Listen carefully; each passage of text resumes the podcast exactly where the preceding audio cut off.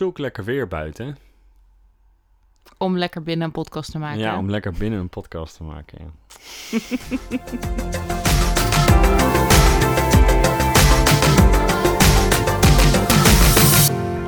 Hallo lieve luisteraars en welkom bij weer een nieuwe aflevering van Podcast Stel. Ja, welkom. Vorige week hadden we twee gasten. Deze week zijn we weer naar één gast en dat blijft ook zo.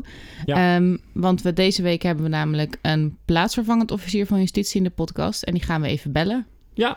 Trut, trut, trut, trut. Hallo. Hallo. Met wie spreken Hallo. we?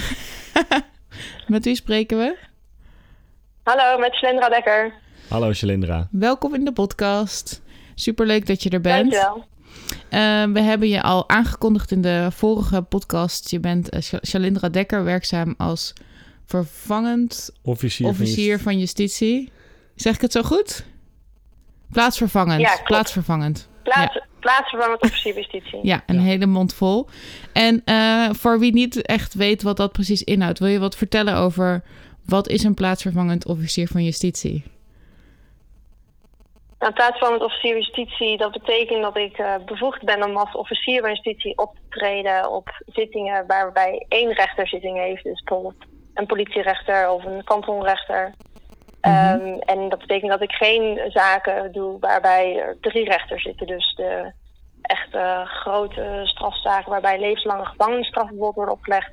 Daar ben ik niet bevoegd bij om op te treden. Mhm. En dat betekent ook dat ik naast dat werk ook eh, andere taken doe. Dus ik werk bijvoorbeeld ook eh, vanuit, officier, eh, vanuit het Openbaar Ministerie dan op het politiebureau.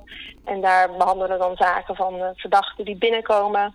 Die nu net een strafbaar feit hebben gepleegd. En dan gaan we het gelijk op dat moment bekijken van nou, wat gaan we met deze zaak doen. En dan, nou, dan verwerken we dat gelijk. En dan krijgt iemand gelijk bijvoorbeeld een geldboete mee of een dagvaarding mee om op een zitting te verschijnen.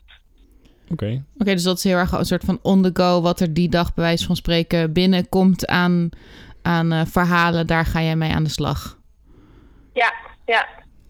En ehm, Om op die, ja, op die manier eh, te zorgen ja, dat mensen snel een duidelijkheid krijgen wat er met de zaak gebeurt. En toch op die manier eh, efficiënt en effectief ehm, een afdoening te doen, te bedenken. ja, dan gaat het dus over kleine zaken als stel ik heb iemands fiets gestolen en ik ben gepakt.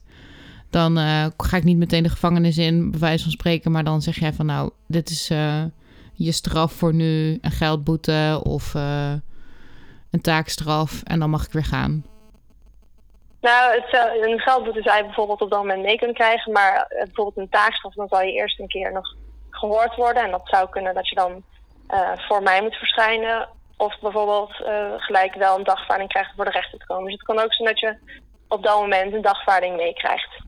Dus als je bijvoorbeeld al meerdere keren een winkeldiefstal hebt, geple- hebt gepleegd, ja, dan heeft blijkbaar die eerste geldboete geen zin gehad. En dan moet je dan voor de rechter verschijnen. Maar dan krijg je wel direct, nadat je het feit hebt gepleegd, krijg je die dagvaarding mee. En dan weet je ook wat je te wachten staat. Oké, Ja. dus het klinkt eigenlijk alsof het ook wel voor jullie een soort van be- bewustzijn is dat het belangrijk is dat ook al ben je zelf degene die er een potje van hebt gemaakt, dat je toch een soort van recht hebt op duidelijkheid waar je aan toe bent, tot op zekere hoogte.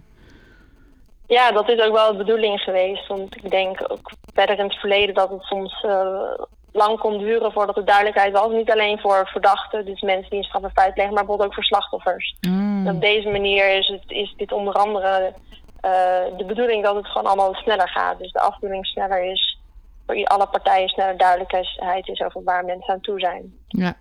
En ik ben dan wel benieuwd, door corona zijn er dan ook heel veel veranderingen geweest. Zeker in het begin eh, en, en tot nu in die snelheid of in de afhandeling van zaken. Of dat mensen misschien niet meer op het bureau mochten komen. Of hoe, hoe is corona van invloed op jouw werk geweest? Eh, nou, het is wel een aardig grote invloed heeft gehad. Want bijvoorbeeld, eh, er zijn, nou, dat was natuurlijk wel in de media kwam dat veel naar voren. Er zijn veel zittingen die niet doorgegaan. Mhm. Dus de zittingen dan voor die voor de rechter moeten komen, die, eh, nou, het grootste gedeelte is daarvan eigenlijk niet doorgegaan een paar maanden. Dat is nu wel weer flink eh, opgestart. Oké. Eh, maar bijvoorbeeld ook die zittingen die ik noemde, waarbij je dan voor iemand van het Openbaar Ministerie moet verschijnen. Dus een OM-hoorzitting heet dat. Ehm, ook die zittingen zijn een eh, tijd niet doorgaan en die worden ook weer opgestart. Omdat er toch echt moest worden gekeken van hoe kunnen we het allemaal op een veilige manier doen. eh, zonder dat eh, ja, dat mensen in gevaar worden gebracht als ze op zo'n zitting verschijnen of bijvoorbeeld bij de rechtbank te verschijnen. En ook bijvoorbeeld die diensten waar ik het net over had, waarbij ik dan op het politiebureau werkte. En waarbij je dan dus met verschillende partners zit. Zo zit bijvoorbeeld ook de reclassering daar, de politie zelf natuurlijk. Um, slachtofferhulp, dus allerlei partners zitten daar om te kijken wat voor een afdoening iemand moet krijgen. Ook die diensten zijn wel veranderd. Dus die zijn bijvoorbeeld allemaal grotendeels digitaal geweest uh, voor een langere tijd. Maar die zijn wel doorgegaan. Dus als iemand op dat moment iets, er iets gebeurde, dan was het nog wel de bedoeling dat iemand ook die afdoening heel snel meekreeg. Dus dat is in die zin wel doorgaan, maar heel erg veranderd. Doordat, ja, doordat mensen toch op dit moment natuurlijk zoveel mogelijk thuis moeten werken. Ja. ja. Vanuit uh, in heel het land. Dus ook daar is geprobeerd, geprobeerd om zoveel mogelijk normaal aan te passen. Uh, maar ja, wel een groot verschil. Ik bedoel, eerst uh, zit je meerdere keren per week op de rechtbank voor een zitting of in het politiebureau. En nu zit je eigenlijk het grootste deel van de tijd thuis aan het werk. En dan ben je blij als je een keer een uitje hebt naar de rechtbank. Ja.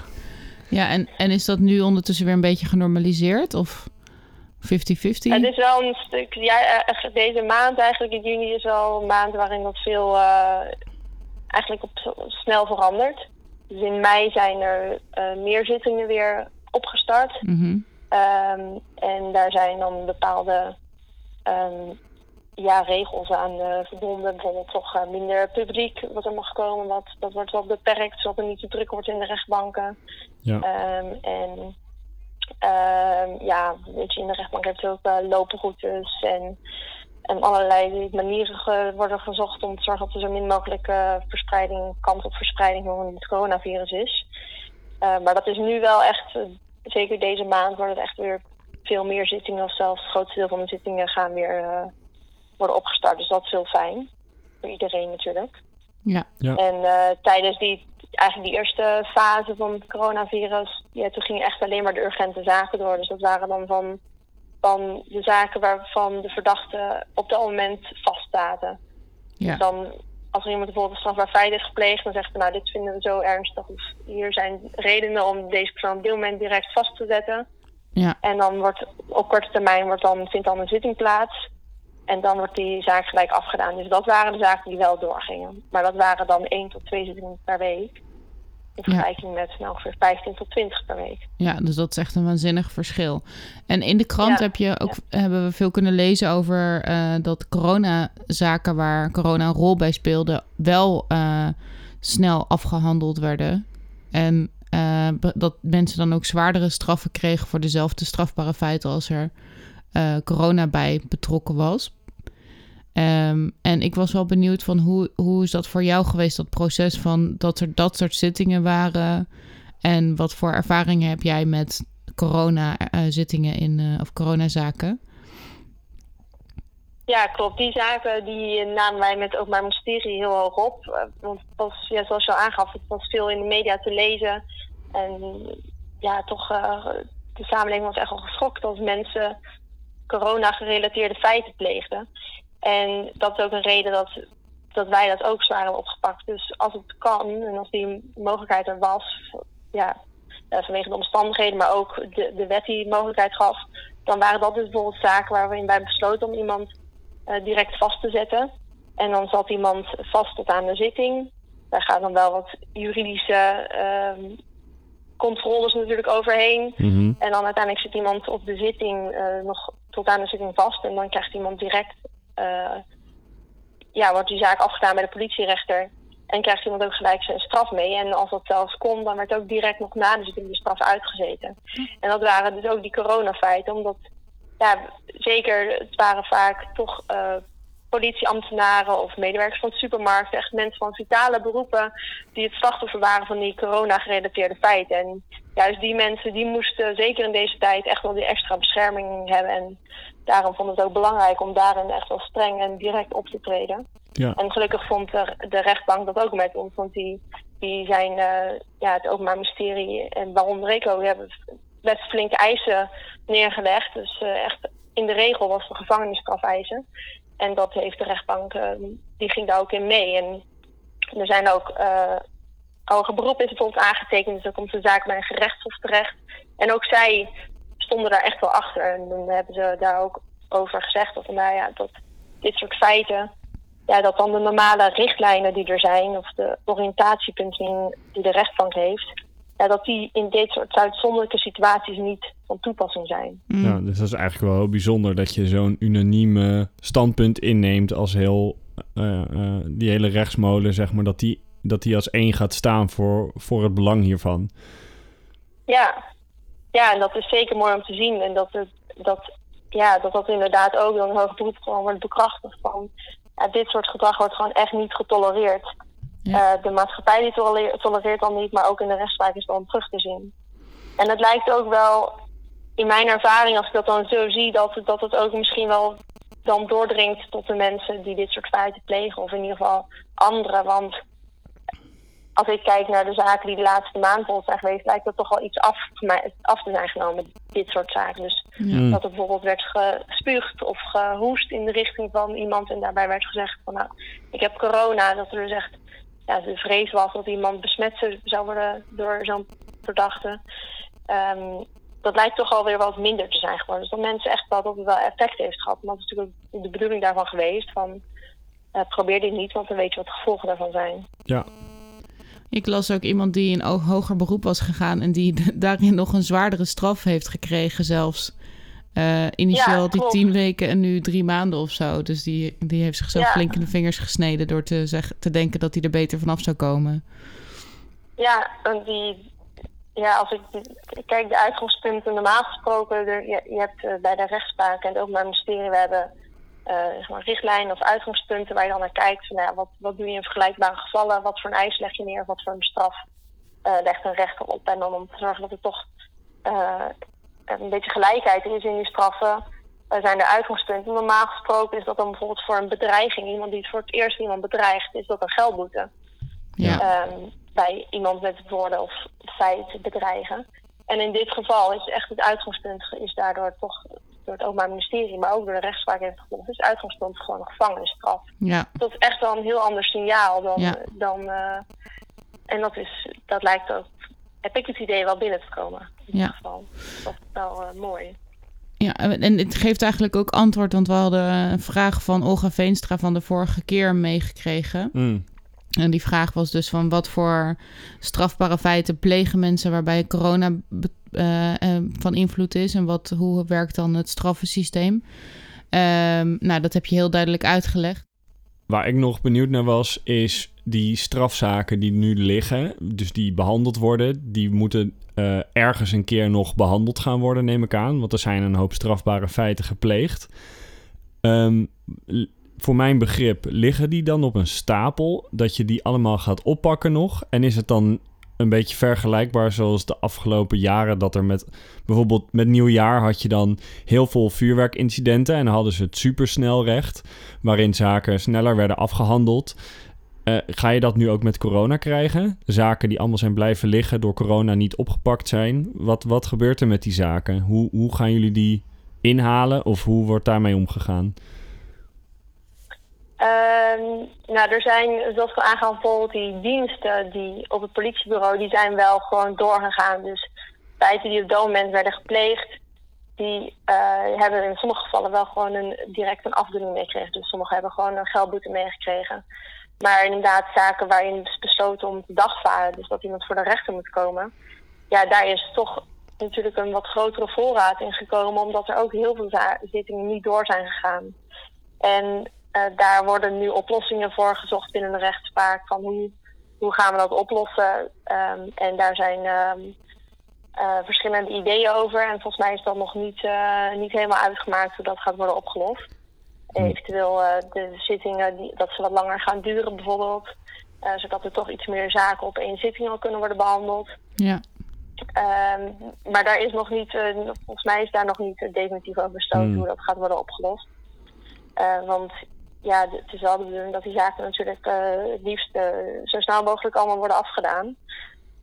Ja. Uh, want ja, door de coronacrisis is er natuurlijk toch ja, veel niet doorgegaan wat anders wel door was gegaan. Ja. En dus strafbare feiten, kijk, volgens mij is het aan het begin van toen het allemaal net gebeurde, is het eventjes wat rustiger geweest als het om sommige strafbare feiten gaat. Zoals ja, bijvoorbeeld woninginbraken, waar je dan op, ook, daar hoor je dan ook Eh, omdat natuurlijk iedereen thuis was, ja, dan is het er niet zo heel slim om een woninginbraak te plegen. Maar heel veel strafbare feiten zijn wel doorgegaan. Ja. Ja. Ja, en er zijn ook wel hele bijzondere dingen boven water gekomen door corona. Doordat er gewoon veel meer, eh, veel minder mensen op straat waren, zijn er gewoon mensen gepakt met drugshandel. Omdat alles veel zichtbaarder wordt als je gewoon veel minder verkeer hebt. Ben je gewoon kwetsbaarder, denk ik, als crimineel. eh, tot op zekere hoogte in, in de wereld. Je kan je wat minder makkelijk verschuilen. Je snoet het oerwoud weg. Ja.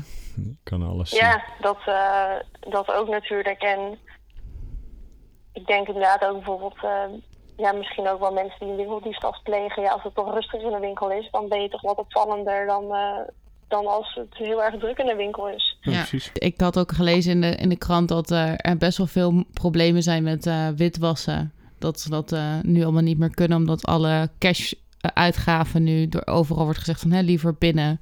Dus dat vond ik ook nog wel een interessante toevalligheid die corona Met zich eh, meebrengt. met zich meebrengt. Dat dat dan nu ook moeilijker wordt. Ja, en eh, dat heb ik inderdaad ook gelezen. Ja, dat, dat zijn grote onderzoeken waar ik verder minder bij, niet bij betrokken ben. Maar dat is wel.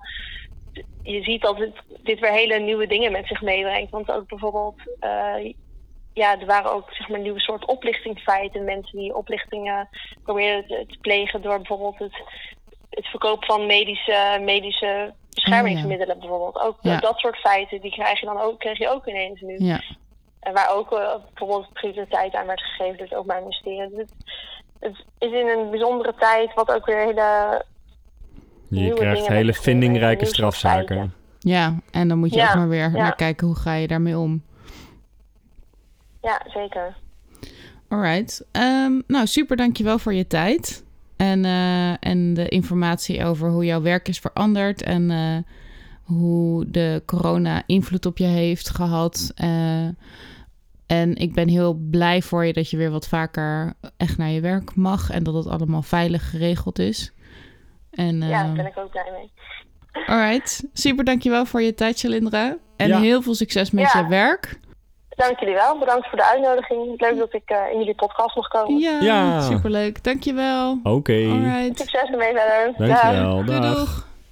Nou, dat was eh, een ontzettend eh, interessant onderwerp. Ik, ik, ik, ik merk zelf dat ik nog heel weinig me kan voorstellen bij haar werk. Ook al vertelt ze het me zo, mijn brein tinkelt helemaal van... Oeh, het is zo'n, ik heb zo allemaal van die filmbeelden die ik er dan zo doorheen meng... waardoor het heel erg... Je krijgt een soort ja, vertekend gekleurd beeld van wat het... door alle televisie die ik kijk over alle politieseries... en dat dan zo'n, nou ja, wat, wat dikkere politiechef dan zo wat roept tegen zo'n... Ja, ik weet niet. Ik heb daar gewoon allemaal beelden bij van... Hoe heet die serie van vroeger ook weer? Van die politiechef? Van eh, de kok met COCK. Oh ja, baantje baantje, ja. Ja. Nou ja, dat soort beelden komen er dan doorheen. ja, dat komt bij mij ook. Of als je dit vertelt, komt er bij mij alle series die ik ooit op Netflix gekeken heb over het recht en over politiewerk Ja. en over officieren van justitie. Precies. Dat komt allemaal voorbij. Ja.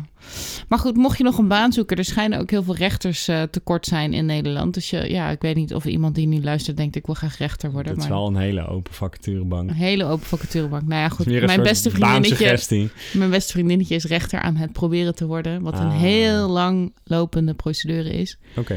Maar ik wens haar alle goed. Ja. Ehm, nou, dat was superleuk. Volgende podcast hebben we de directeur van het ziekenhuis te gast. Ehm, het Diakonessenhuis. Ja. En ehm, dat zit eh, hier in Utrecht Centrum. Dat is het enige binnenstedelijke ziekenhuis in Utrecht. En zij hebben een eh, tijdelijk corona eh entree gebouwd. En een, eh, nou ja, ze hebben een heleboel aanpassingen moeten doen. Dus ze hebben heel lang in een soort crisissituatie moeten werken. En dat is een paar weken geleden weer afgeschaald. En nu begint de rust weer terug te keren. En ik ben gewoon heel erg benieuwd hoe de afgelopen maanden voor eh, John Tax is geweest, de directeur van het Diakonesse ziekenhuis. ja, super interessant. Ik ben ook echt in, ik ben super benieuwd. Alright, leuk. Ja, Oké, dankjewel voor het luisteren allemaal en tot de volgende keer. tot de volgende. Leuk. Oké, doei.